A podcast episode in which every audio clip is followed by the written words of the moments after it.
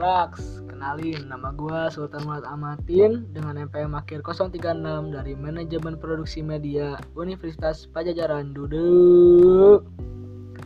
Nah, kali ini gue bakal berpendapat tentang radio atau podcast ya. Yang mana sih pilihanmu?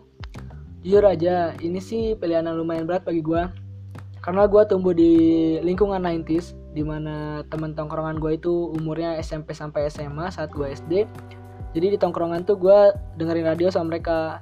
Cara gak langsung gue lumayan mengenal lah radio saat angkatan mereka. Tapi walaupun gue mengenal radio angkatan mereka itu gue tetap pilih podcast. Menurut gue podcast tuh kalian lebih bebas aja untuk nentuin topik apa yang mau kalian angkat.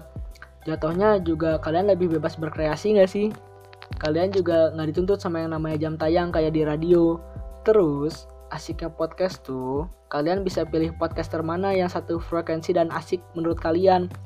Jadi lebih gampang juga sih ngefilter konten apa yang mau kalian dengerin. Di samping itu radio juga nggak kalah keren kok. Dari musik, berita, informasi dan jokesnya juga nggak kalah kok dari jokes-jokes podcast. Jadi bukan berarti radio itu kurang ya. Tapi tetap aja sih hati gue ke podcast. Soalnya podcast tuh lebih young and wild and free. Kok kalian tim mana nih cuy?